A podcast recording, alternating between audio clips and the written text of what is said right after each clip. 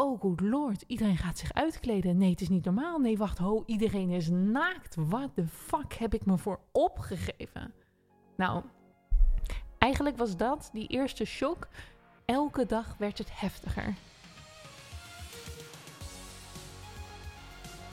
Hey, dit is de allereerste podcast van mij.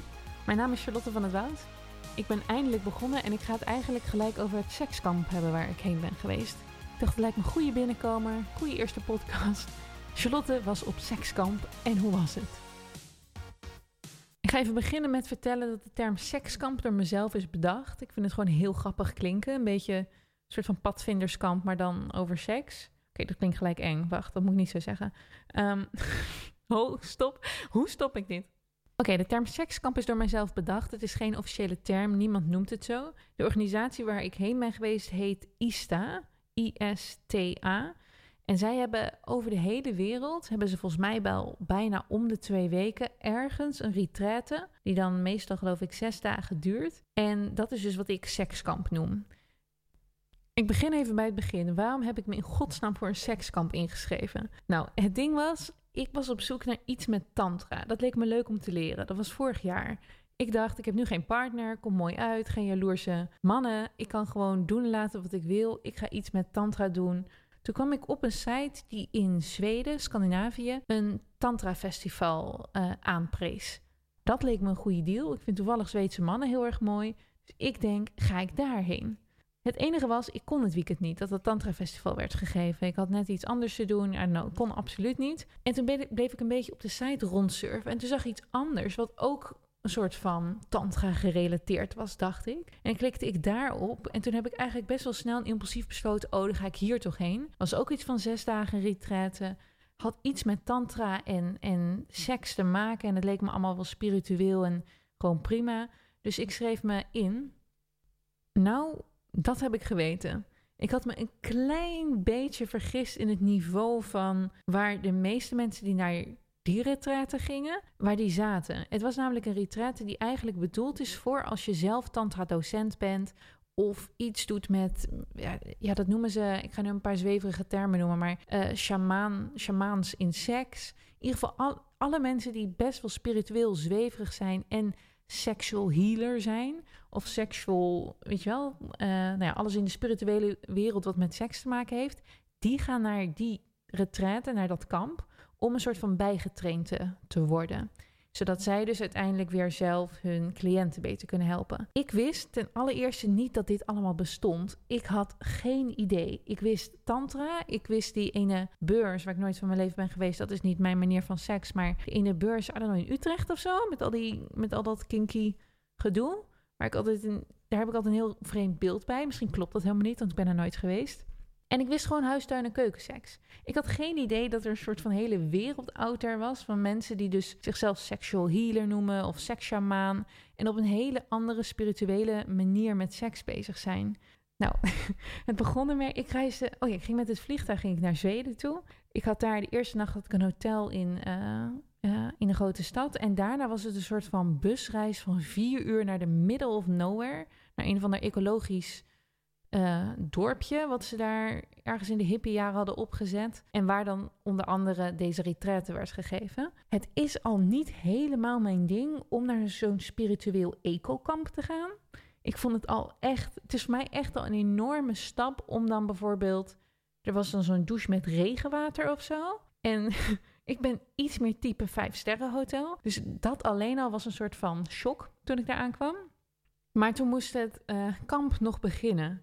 Nou, het begon, er, het begon allemaal echt best wel, best wel relaxed. Um, er was één zaal en er waren dan een stuk of vijftig kussentjes op de grond gelegd. En iedereen druppelde binnen. Niemand kende elkaar natuurlijk. Dus altijd een beetje zo'n awkward, spannend moment. En we gingen in een grote kring zitten en ik keek om me heen. En ik wist niet precies wat ik me had voorgesteld. Maar er waren echt wel heel erg veel mensen van ongeveer mijn leeftijd. Van rond de 30. En mensen vragen altijd, hoe zien die mensen eruit? Gewoon hele mooie, leuke, normale mensen. En we zaten allemaal op zo'n kussentje. We deden een voorstelrondje. Nou, in zo'n groep zijn er dus wel meer sexual healers, tantra-docenten, reiki-meesters, et cetera, dan in de doorsnee-workshop waar je heen zou gaan. Maar er zaten ook gewoon genoeg mensen met normale beroepen tussen. Of wacht, normale klinkt niet zo lief. Er zaten ook genoeg mensen met niet-spirituele beroepen tussen. En ik zat er dus. En toen gingen we een voorstelrondje doen. Gewoon hoe je een voorstelrondje houdt. Deze duurde best wel lang. En toen helemaal aan het eind van de oefening, iedereen was helemaal akkoord en tevreden. Toen zei de docent: Oké, nou jullie vragen je vast af wanneer het moment is dat alle kleren uitgaan. Dat is nu. En ik was de enige van de groep die moest lachen, want ik dacht dat ze een grapje maakte. Ik had serieus niet bedacht dat we echt daadwerkelijk naakt zouden gaan. En zeker niet onmiddellijk na het voorstelrondje. Dus ik lachte van, oh, leuk grapje. En niemand lachte mee. En dat was gewoon echt serieus de bedoeling. Je moest gelijk naakt. En nu ben ik, nu ben ik, ik zou niet zeggen dat ik preuts ben. Voor mij is naakt zijn toch ook wel iets echt wat je dan in een relatie doet. Dus ik keek om me heen en denk, oh good lord, iedereen gaat zich uitkleden. Nee, het is niet normaal. Nee, wacht, ho, iedereen is naakt. What the fuck heb ik me voor opgegeven? Nou, eigenlijk was dat, die eerste shock, elke dag werd het heftiger. Dus we moesten in kleine groepjes. Het was niet zo dat je in het midden van die groep moest naakt uh, strippen. Maar je moest in kleine groepjes van een stuk of acht of negen mensen nee, volgens mij zes of zeven of zo, moest je dus in het midden gaan staan en dan moest je langzaam je kleren uittrekken en dan moest je vertellen wat jij over je lichaam denkt. In de zin van welke stukken van je lichaam vind je niet mooi of heb je bijvoorbeeld moeite mee of vind je juist verschrikkelijk wel mooi of um, hebben andere mensen nare dingen over gezegd? Welke emoties zijn er bij jou over je lichaam? Je moest je lichaam eigenlijk laten spreken. En ik heb nog nooit van mijn leven zo ik was nog nooit van mijn leven zo bang geweest. Ik vond het, ik vond het zo'n heftige opdracht om dat te doen. In mijn groepje zaten heel toevallig ook allemaal mannen. Uh, waarvan de leeftijd net wat ouder zat. En, en ik dacht, oh my god. Dus zij, ik was de allerlaatste die, die, die aan de beurt was. En ik dacht nog elke keer bij iedereen die zich dus in het midden ging staan en zich je moest 10 minuten doen over je, je helemaal naakt strippen. Ik dacht nog elke keer, ik ga het niet doen hoor. Ik ga het echt niet doen. Maar elke keer als ik om me heen keek, zag ik dat iedereen in die andere groepjes het ook gewoon allemaal deed. Dus ik voelde ook wel een beetje groepsdruk om maar gewoon mee te doen. Dus uiteindelijk stond ik op en begon ik dus mijn kleding uit te trekken. En ik moet zeggen, het is het meest bevrijdende wat ik in jaren had gedaan. Ik vond het fantastisch. Ik dacht, ja, waar slaat het ook eigenlijk op? En wat lekker dat ik gewoon weet je wel, zo een keer tien minuten lang een beetje mijn lichaam kan laten spreken. Meestal als je kleren uitstript, is dat in een, weet je wel, seksuele environment natuurlijk gelijk. En dan is het gelijk, I moet je ook proberen sexy te doen. Dan moet je ze sexy uitstrippen en er komen allemaal dingen bij. En nu was het gewoon, je doet die kleren uit, je vertelt over je lichaam. En het is niet seksueel, zeg maar. En dat vond ik al zo'n bijzonder iets, dat je dan zo Weet je wel, ik weet wel, in de sauna is bijvoorbeeld ook niet seksueel of op een naaktstrand of zo. En ik denk dat mensen die daar vaak heen gaan dat ook altijd wel lekker en bevrijdend vinden. En dit was eigenlijk nog een niveautje dieper, want je, het was dus niet seksueel. Je, je strip je dus naakt.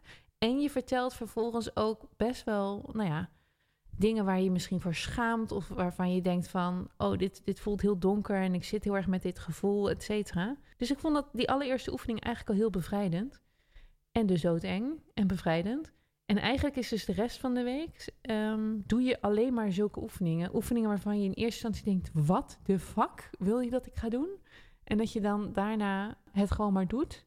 En denkt, oh, dit was eigenlijk heel bevrijdend om een keer zo te doen. Nou, ik zal even wat meer voorbeelden geven, want je gaat dan die hele avond ga je dan bijvoorbeeld daarover praten en dan kom je weer terug in de kring en dan ga je vertellen hoe het was. Nou, de volgende ochtend precies hetzelfde liedje. Je begint ochtends begin je met aesthetic dancing. En dat was uh, aesthetic dancing, als je niet weet wat dat is. Dat is eigenlijk op zulke hele zweverige plinkploing muziek een beetje dansen hoe je wil. Ik vind dat fantastisch, want het maakt niet uit hoe je danst. Sommige mensen dansen bizar, sommige mensen dansen ontzettend mooi. Uh, sommige mensen liggen op de grond, sommige mensen springen in het rond. Het is gewoon helemaal dansen nou ja, hoe je wil. En uh, dat duurde dan een half uur en daarna was eigenlijk de hele dag gevuld met allemaal oefeningen zoals degene die ik net beschreef. Ik ga niet elke oefening uit de doeken doen hoor. Want als jij zelf ook een keer hierheen wil gaan, is het ook gewoon veel leuker als je erheen gaat. En net zoals ik gewoon elke dag een soort van in shock bent. Maar een van de andere oefeningen was bijvoorbeeld dat je. Um, dan was je naakt ook weer. De, de, groep werd dan in tweeën gedeeld, mannen en vrouwen door elkaar. Dan moest je eigenlijk zo gaan staan alsof je een standbeeld in een museum was. Die oefening heeft ook wel veel indruk op mij gemaakt. En de andere mensen, die waren de andere helft van de groep, die was niet naakt. Maar die liepen dan zeg maar door de, door, door de ruimte heen. En bekeken jou dus alsof je in een museum zat, zeg maar. Dus je was eigenlijk een soort van levend kunstwerk. En ik weet nog wat vooral de meeste indruk op mij maakte. Waren een aantal mannen uit de groep. En het heeft mij ook wel een beetje de ogen geopend over hoe, hoeveel onzekerheden mannen kunnen hebben over hun lichaam. En wat daar, weet je wel, de grote verwachtingen die wij vrouwen. Er wordt altijd gepraat over body issues met vrouwen, vooral, weet je wel. En um, ik, ik, ben, ik ben daar ook voorstander van, body positivity. En, en dat, je, dat we ons bewust zijn van het, van het achterlijke schoonheidsideaal wat op vrouwen ligt. Maar op mannen ligt ook een gigantisch schoonheidsideaal. De, de schouders moeten breed, hij moet groot geschapen zijn. Uh, hij moet niet te behaard zijn, maar wel weer een beetje behaard. Weet je wel, er zijn honderd dingen die wij vinden, dan zie je eruit als een echte man ja, ik weet niet. Ik vond het, heel, ik vond het toen heel erg chockerend om te zien ook dat voor de mannen in de groep, dat, dat, dat ze daar zo mee konden worstelen. In ieder geval. Ik vond het, ik vond het, ja, dat bracht me gewoon heel veel empathie. En bij die oefening in specifiek waren een aantal mannen die het gewoon zo spannend vonden dat ze zo wat bijna flauw vielen, zeg maar. En nou ja, ook, ook dat heeft weer. Je kijkt dan dus naar elkaar, naar elkaars, naar elkaars naakte lichaam. Met ja, totaal niet geseksualiseerd of zo. Daarom is het ook wel altijd een beetje krom dat ik het sekskamp noem. Want het, je, je denkt echt serieus de hele dag niet aan seks. Maar het gaat puur om elkaars lichaam leren waarderen.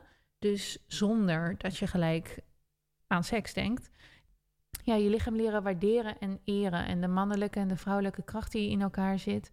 Dat je die eigenlijk leert herkennen. In ieder geval, dan zat je daar dus als een soort van standbeeld en dan liepen mensen om je heen om naar je te kijken. Op het moment dat jij zoiets hebt van: oké, ik wil niet dat jij naar mij kijkt, dan schud je gewoon je hoofd en dan moet degene doorlopen en er is niks aan de hand. Maar ook ik vond dat, vond dat ook weer een hele bijzondere oefening in de zin dat er gewoon, weet je wel, wanneer gebeurt het nou dat iemand met wie je dus niet romantisch involved bent, um, zo lang naar je kijkt met zoveel belangstelling en met zo'n aandacht en een soort van eerbied.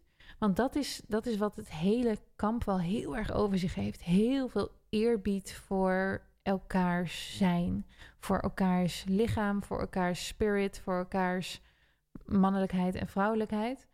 En dat maakt het wat mij betreft dus ook echt een ontzettend bijzondere ervaring. Waarom ik dus ook twee keer naar hetzelfde kamp ben gegaan uiteindelijk. Maar laat ik niet op zaken vooruitlopen dat doe je dus de hele dag. De hele dag workshops. Er is één dag die draait helemaal om de mannelijke energie. En dan ga je heel erg in ook op de relatie met je vader bijvoorbeeld. Zowel voor vrouwen als voor mannen. Ehm, ga je dan vroeten in de relatie die je met je vader hebt gehad. Of de seksuele boodschap die je van je ouders hebt meegekregen. En ga je. Ehm, het is heel veel therapie ook, een soort van groepstherapie. In de zin van dat je dan bijvoorbeeld op kussens slaat en, en allemaal zulke dingen. En er is gewoon heel erg veel ruimte om in de groep je ervaringen te delen. Eigenlijk elke ochtend na het dansen wordt er eerst een soort van twee of drie uur lang in een kring gezeten. En dan kan je, als je wil, naar het midden lopen uh, en je verhaal doen. En vertellen wat je voelt en hoe je dingen ervaart, et cetera. En eigenlijk ben je daar dus zeven dagen lang achter elkaar mee bezig. Dus één dag die draait ook heel erg veel om de cyclus van de vrouw en de, en de menstruatie. En dat je daar heel veel rituelen omheen doet en zo. Dus het is absoluut extreem spiriwiri spiritueel. Het is echt to the max. Elke avond, daar zijn jullie natuurlijk het meest nieuwsgierig naar, daar krijg ik ook alle vragen over. Elke avond is er een, oh shit, hoe noemen ze dat nou? Open tent of zo? Nou, ik weet het niet meer. Elke avond is er in ieder geval, um, dan, dan, dan, is, dan slaat de sfeer om. En dan wordt het wel meer seksueel. En dan is het gewoon eigenlijk een soort van hoe zou ik dit zeggen, netjes, Sodom en Gomorra. In de zin van, je hebt dan, um, dan, dan kun je de seks met, als je zou willen, kun je seks uh, hebben. Of dan kan je elkaar masseren of weet ik wat. Dan is het in ieder geval, dan is de sfeer anders. Om heel eerlijk te zijn, jullie vragen ze allemaal, oh my god, met hoeveel mensen doe je het op zo'n kamp? Ik heb alle tweede keren geen seks gehad met niemand. Ik was totaal niet in de stemming. Het was ook voor mij echt niet een, een ding om daar te gaan doen of zo. Maar je bent op dat kamp omdat je soort van meer in jezelf wil keren en meer wil leren over je seksualiteit. Zon en eigenlijk alle verhalen en alle dingen die in de maatschappij over ons zijn aangeleerd over seks en over naar seks kijken, dat je die eens van een ander, uit een ander oogpunt bekijkt. Want dat is dus de reden dat ik naar dit sekskamp ga, om daar even maar in te duiken. Het is wat mij betreft een heel erg interessant en voor mij, tot op voor kort, voordat ik naar deze kamp ga, vrij onontgonnen gebied qua zelfontwikkeling. Jullie weten dat ik helemaal crazy ben over alles met zelfontwikkeling. En om, om te duiken in hoe jij seksualiteit ervaart, je eigen seksualiteit, seks met anderen, de energie rond seks, dat vind ik echt rete interessant. Ik ben er namelijk, kan ook zijn dat ik gewoon mijn hele leven super slechte seks heb hoor. Maar ik ben ervan overtuigd dat, dat heel veel mensen een soort van niet tot hun volle potentie seks hebben. Dus dat er heel vaak, ja, er zijn gewoon, er zijn gewoon heel veel mensen die problemen hebben in hun relatie qua seks. Ofwel hij wil meer, ofwel zij wil meer. Ofwel het komt, weet je wel, er is een soort van verveling sluipt erin. En er zijn gewoon een aantal mensen op deze wereld die seks geneeld hebben. In de zin van, die zijn er gewoon super, super goed in. Die hebben orgasmes die een paar uur kunnen duren. Die hebben de meest fulfilling sekslife. En die zijn gewoon op een ander niveau ermee bezig. En dat maakte mij heel erg nieuwsgierig. Ik wilde graag meer. En voor mij was dat omdat ik single ben de meest ideale manier om dat nu allemaal een beetje uit te gaan vinden. Dat je dan niet rekening hoeft te houden ook met een partner die dezelfde soort ontwikkeling moet doorgaan. Het leek mij een ideale manier om nu gewoon daar eens in te duiken en te kijken, goh, wat kan ik eigenlijk allemaal leren nog qua seks? Want je leert natuurlijk seks in principe van de vriendjes of vriendinnetjes die je hebt.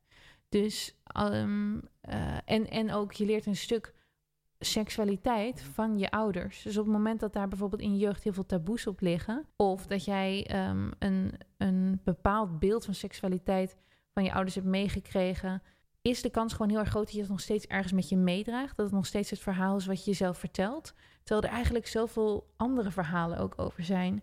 En dat vind ik het hele interessante aan seksuele ontwikkeling. Dus net zoals dat ik vind dat je je money mindset moet trainen, dat je meer moet leren over geld en moet leren hoe andere mensen over geld denken, hoe zij er tegenaan kijken en dat dat jou kan helpen een meer gezondere relatie met geld te krijgen.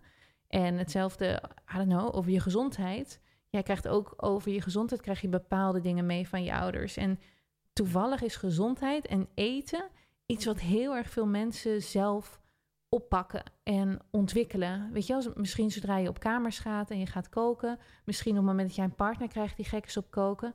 Dat zijn momenten dat, dat je als volwassene of als, als, uh, als student beseft van hé, hey, wat ik van huis heb meegekregen, dat is misschien niet de juiste manier om even eten te denken. Misschien is het helemaal niet zo uh, gezond en lekker om, I don't know, elke dag uh, gekookte aardappels en een, een droog gekookte vis te eten. Misschien wil ik wel vegan worden. Of misschien wil ik wel extreme uh, health, health freak worden en alleen maar besjes eten of zo. Allemaal prima. Maar dat is in ieder geval niet iets waar een taboe op ligt. Het is niet een taboe om te zeggen oh, ik heb helemaal mijn eigen soort van uh, eten ontdekt. Of ik ben helemaal die tour opgegaan. Maar het is natuurlijk wel taboe om dat over seks te zeggen. Mensen zijn gewoon niet openlijk over seks. En dat is waarom ik hier op mijn stories over praat. En waarom ik nu ook deze podcast erover maak. Want ik denk dat het super zonde is dat mensen daar niet eerlijk over zijn. En niet open over zijn. Dat ik denk dat we ontzettend veel van elkaar kunnen leren. Als je meer open staat voor... hé, hey, misschien is de manier waarop jij seks hebt... wel niet de allerleukste manier. Misschien zijn er meer leuke manieren. En zelfs op het moment dat je gewoon een relatie hebt en dat de seks fantastisch is, is er denk ik altijd nog wel een niveautje dieper te gaan. En dat was ook een van de dingen die mij op dat sekskamp heel erg duidelijk wordt. Als je in een groep zit waar bovengemiddeld veel ervaring is in mensen die uh, aan, aan seksuele ontwikkeling doen. Jeetje, Mickey, wat ik allemaal heb gezien. Het is gewoon een soort van intensiteit waarmee mensen bijvoorbeeld klaar konden komen. Of de intensiteit van gewoon de uitwisseling tijdens seks. Ja, ik vond dat wel eigenlijk echt super fascinerend en bewonderingswaardig. En dat ik dacht van jeetje, dit, weet je wel, ik ben blij dat ik nu, dat ik nu hier zoveel zelfonderzoek naar doe. En dat ik steeds meer hierover leer, want ik wil dat ook. Dat is tof. En hoe vaak heb je nou de kans, behalve dat als je porno kijkt, dat je gewoon echt ziet hoe het bij anderen eraan toe gaat met seks? Toch? Dus is, dat is een van de redenen. De andere reden dat ik uh, erheen ga is gewoon... ik ben gewoon avontuurlijk ingesteld. Ik vind het fantastisch om in, me in, werelden te in werelden te begeven die ik niet ken. Waarvan ik denk, dat het, weet je wel, waar, waar je als buitenstaander van denkt, dit is raar of weird. Net zoals LARPen bijvoorbeeld. En dan vind ik het gewoon heel interessant om daarin te duiken en te kijken wat ik daar zelf van vind, zonder dat ik daar een oordeel over probeer te vellen. Oké, even praktisch. Wat heb ik geleerd? Ik denk dat de allermooiste les tijdens mijn allereerste keer dat ik naar uh, ISTA ging kwam. En dat was dat grenzen niet zijn wat je liever niet wil, maar grenzen zijn wat je absoluut wel wil. En de rest niet. En dat vond ik zo'n openbaring. Dus in bed, op het moment dat ik in bed lag met iemand. En weet je, dan krijg je altijd een beetje aftasten wat lekker is en wat niet en zo. En ik was best wel van het dat ik dacht van oké, nou dit wil ik absoluut niet. Dit mag je absoluut niet doen. En dat was mijn grens. En de rest liet ik toe. En sinds ik ISTA heb gedaan, is mijn grens. Dit vind ik absoluut fantastisch als je dit doet. En de rest is dus een no-go. Kan je niet doen, is niet oké, heb ik nu geen zin in. En ja, het is zo'n super fijne reframe dat dat je grenzen zijn. Dat je grenzen liggen bij dit vind ik super fijn en de rest niet. En een andere mooie les die ik de eerste keer heb geleerd is hoe ontzettend mooi het is als je nee durft te zeggen. Dus op het moment dat je bijvoorbeeld op het sekskamp als iemand wat aan je vroeg, zelfs voordat ze een knuffel geven, moesten ze vragen: Is het oké als ik jou een knuffel gaf? Op het moment dat je zegt: Nee, geen zin in, dan moeten zij terug antwoorden: Thank you for taking care of yourself. Oftewel, dank je wel dat je goed voor jezelf zorgt. Dat je je grens weet aan te geven. Dus het grenzen aangeven, het nee zeggen, werd ontzettend beloond op het kamp. En dat is iets waar je in de normale wereld vaak niet echt voor wordt beloond. Op het moment dat je grenzen aangeeft, duwen mensen er vaak tegenaan. Ah, weet je het zeker? Hm, lijkt me zo leuk. Oh, lijkt me lekker. En weet je al, niet eens met seks, maar ook met andere dingen. Ah, toe, neem wel een wijntje, doe niet zo flauw. Of ah, blijf nog heel even langer. Ja, maar op het moment dat jij dus duidelijk zegt nee, dan ben je voor jezelf aan het zorgen. En ik vond de reactie die je dus telkens op elkaar moest geven, vond ik echt heel erg mooi. En een ander iets wat ik heel praktisch heb geleerd is veel duidelijker en beter communiceren wat je lekker en leuk vindt. Ik weet nog, er was een oefening, dan zat je in, in trio's. En dan moest je dus, want ik zeg wel, ik heb geen seks gehad, maar dan noem ik even seks uh, penetratie. Ik, ik deed wel heel veel andere oefeningen en zo uh, vrolijk mee. En je zat, je zat in, een, in een trio en je moest eigenlijk aangeven wat je lekker zou vinden. En dat is ook best wel. I don't know, ik merkte dat ik zelf in ieder geval het ook heel erg vaak een beetje liet afhangen van wat de man lekker zou vinden. Van wat wil hij graag doen met mijn lichaam. Alsof ik niet zelf daar een soort van extreem grote rol in speelde. En op het moment dat je dus heel erg moet nadenken over wat vind ik eigenlijk lekker en wat wil ik precies dat je doet, dat vond ik ook een hele interessante, goede les die ik ook daarna in mijn seksleven gewoon tot volle tevredenheid van mezelf en van mijn partners heb meegenomen. En het andere wat ik ook een, eh, een leuk ezelsbruggetje vind, je kent BDSM wel, denk ik. En zij hebben gezegd, je moet een RBDSM-test uh, doen, elke keer voordat je eigenlijk seks met iemand zou hebben of met meerdere mensen zou hebben, voor een trio of iets dergelijks. En dat betekent, heb elke keer even een bepaald aantal punten wat je met je sekspartner doorneemt voordat je verder gaat. En het lijkt een beetje klinisch, het lijkt een beetje gek om dat zo te doen. Maar zij zeggen dus let op deze letters, RBDSM. En dan staat de R voor relaties. Dus voordat je met iemand het bed induikt, vraag naar de relatie. Voor sommige mensen is dat iets wat ze een beetje in het midden laten. En de tweede staat voor boundaries, oftewel grenzen. Wat zijn je grenzen? Op het moment dat jij namelijk superhelder zegt: hey, ik vind dit en dit en dit niet lekker en niet oké. als je het van tevoren al communiceert, wordt de seks daarna veel beter. Daar ben ik echt 100% van overtuigd, want ik heb het uitgeprobeerd en het werkt. Het is namelijk zo dat als hij weet waar hij aan toe is en jij niet zorgen hoeft te maken over dat hij bepaalde dingen doet waarvan je van tevoren dacht van oh, dat lijkt me niet fijn nog of ik wil die grens nog niet overgaan, dan kan je dus op elkaar vertrouwen en dan wordt het veel ja, vrijer. B, D. Uh, oh ja, de D staat voor desires, oftewel wensen. Wat vind je wel heel erg lekker? Wat zou je wel graag willen dat er gebeurt? Dus dat kan ook zijn, mijn desire is eigenlijk dat je, I don't know, me eerst een kwartier mijn nek masseert. Of dat je eerst een kopje thee voor me haalt. Weet je wel, het hoeft allemaal niet ook extreem seksueel te zijn, maar dat je super duidelijk communiceert in wat jou lekker lijkt, of wat jou in de stemming brengt, of wat jou, Bij mij is het trouwens geen thee. Het klinkt nu alsof ik, of ik thee wil voor ik seks wil hebben. Dat is niet zo. Ehm, en de S staat voor sexual health, SOAS. Eigenlijk, wanneer ben je voor het laatst getest? Dat is, een, dat is een vraag die ik sowieso altijd wel eigenlijk stel op het moment dat je geen vaste partner hebt. Maar stel dat je dat niet doet, vraag het in vredesnaam. Ondanks, weet je wel, dat je het natuurlijk überhaupt veilig doet, maar vraag het alsjeblieft. En de M staat voor meaning. En dat vind ik ook een hele mooie. En die meaning betekent eigenlijk, wat betekent het voor jou deze nacht of deze avond of deze ontmoeting? Wat is de grotere meaning daarachter? In de zin van, ben jij op zoek naar een relatie? Is het voor jou gewoon één keer fling? Dat is het. Vind jij het fijn als ik je de volgende dag nog bel? Vind je het fijn als ik blijf slapen? Hoeveel zorg en aandacht wil je van mij? En ook die vind ik zo ontzettend mooi om gewoon even door te spreken. Gewoon even tegen iemand te kunnen zeggen: By the way, als we vanavond met elkaar naar bed gaan, ik vind het chill als je morgen even wat laat horen. En dan kan je denken: dat is niet romantisch. Maar weet je hoe super fijn het is als je gewoon hebt verteld wat je eigenlijk verwacht van iemand anders? Weet je hoe super fijn en meer helder de communicatielijn wordt als je gewoon daadwerkelijk uitspreekt wat je verwacht? En hier zijn wij vrouwen sowieso eigenlijk niet zo ontzettend goed in. Dus dan hebben we torenhoge verwachtingen vaak van een jongen. En dan zijn we extreem teleurgesteld als hij niet aan die verwachtingen voldoet. Terwijl die gast geen idee had. Wist hij wel dat jij verwachtte dat je hem, dat hij, weet je wel, de volgende dag een sms'je moest sturen. Als je gewoon super duidelijk bent in dit vind ik fijn, is de kans ook honderd keer groter dat je krijgt wat je fijn vindt. En waarom zou je dat niet willen? Waarom zou je per se willen dat de jongen raadt wat jij graag wil van hem? En qua overkoepelend, wat ik van die kampen heb geleerd, is gewoon A, heel veel empathie. Heel veel empathie voor ons mensen. We doen allemaal maar een beetje ons best op deze aarde. Ons best om gezien te worden. Ons best om geliefd te worden. Ons best om erbij te horen. We zijn het allemaal aan het verkloten. Onze ouders hebben het allemaal verkloot. Weet je wel, we doen allemaal maar wat.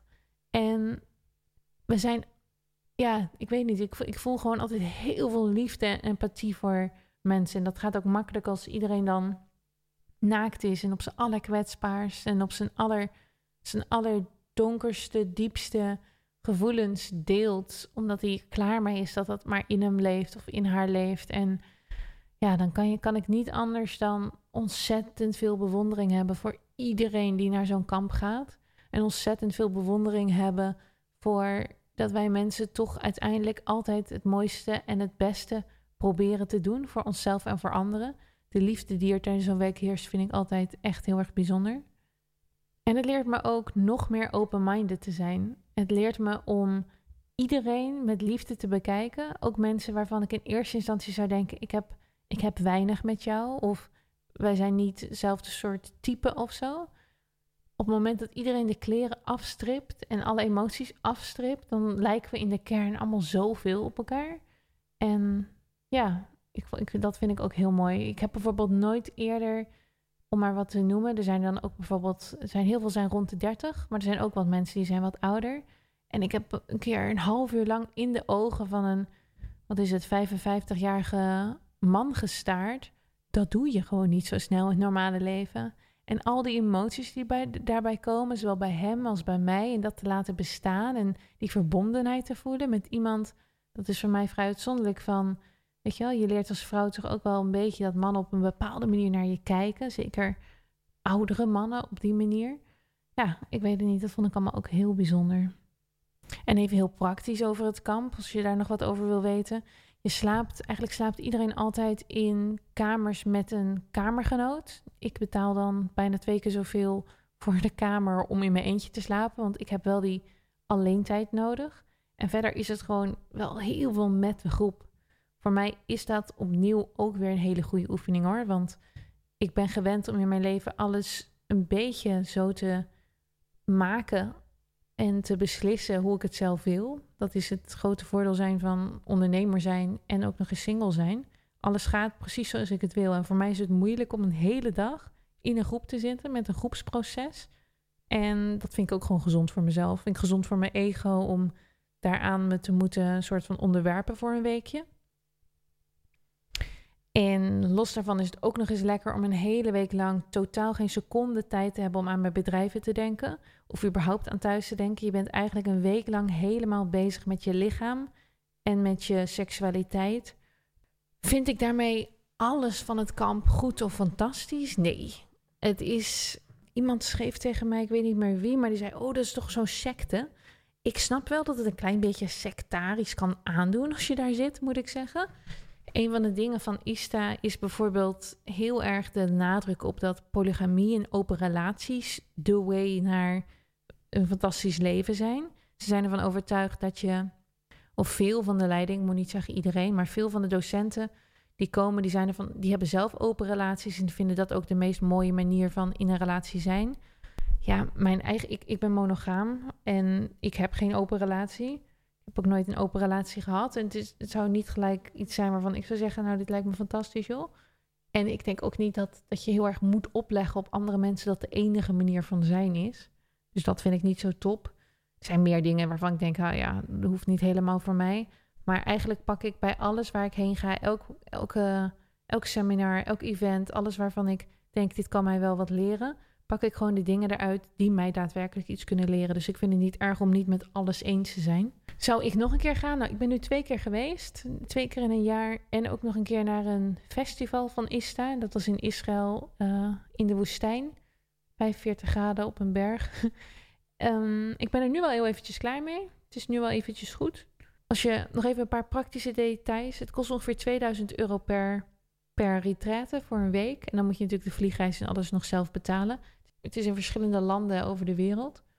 Je kan gewoon googlen op Ista uh, School of Temple Arts, geloof ik dat ze dat noemen. En dan kom je vanzelf op een website. Website natuurlijk uit het jaar nul, want al die hippies hebben nooit een goede website. Maar daar vind je info. Ja, volgens mij was dat wel een beetje wat ik erover wilde delen. Kijk, de reden dat ik hier ook over deel in deze podcast en dat ik op mijn stories me erover uitspreek. Ik hoef niet per se bekend te staan als de ondernemer die ook naar sekskampen gaat. Dat is het niet. Maar ik weet wel dat er zo ontzettend veel um, schaamte en taboe en verdriet schuilt in superveel vrouwenlichamen.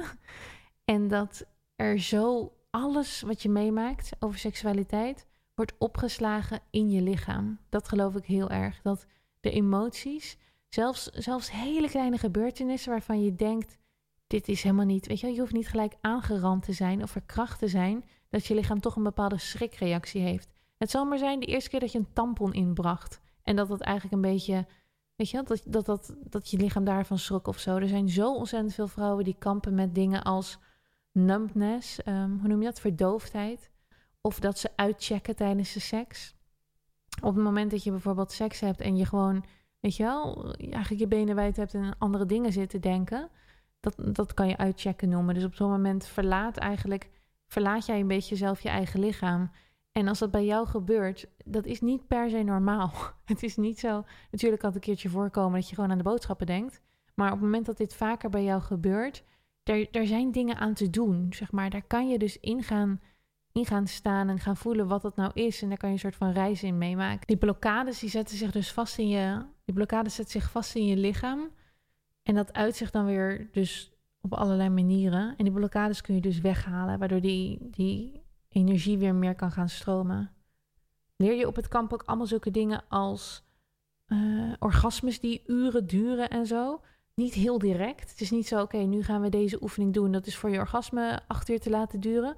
Maar er zijn toevallig wel heel veel mensen die allemaal zulke dingen kunnen. Omdat ze nou eenmaal al langer bezig zijn met dit soort werk. Dus je kan het absoluut leren als je dat leuk vindt.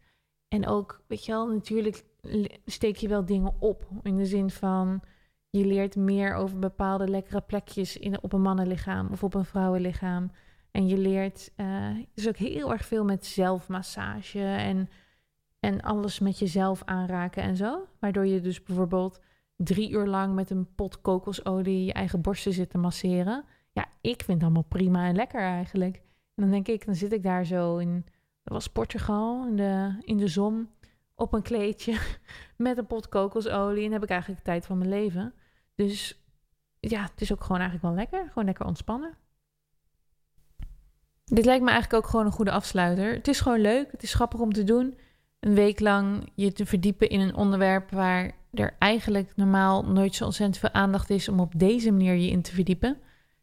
Ik heb er lol in. Ik vind het fijn om dit met jullie te delen. Ik hoop echt heel erg van harte dat er mensen zijn die door deze podcast of die door, die door mijn openheid op stories zoiets hebben van: yes, ik moet hier ook wat mee doen. Ik voel dat dit voor mij iets is wat ik wil ontdekken. Of waar ik, weet je wel, iets ja, meer plezier uit kan halen als ik daar wat uh, op een andere manier naar kijk dan hoe ik het nu doe. En als je dat hebt, laat het me weten. Lijkt me fijn om dat van je te horen. Doeg!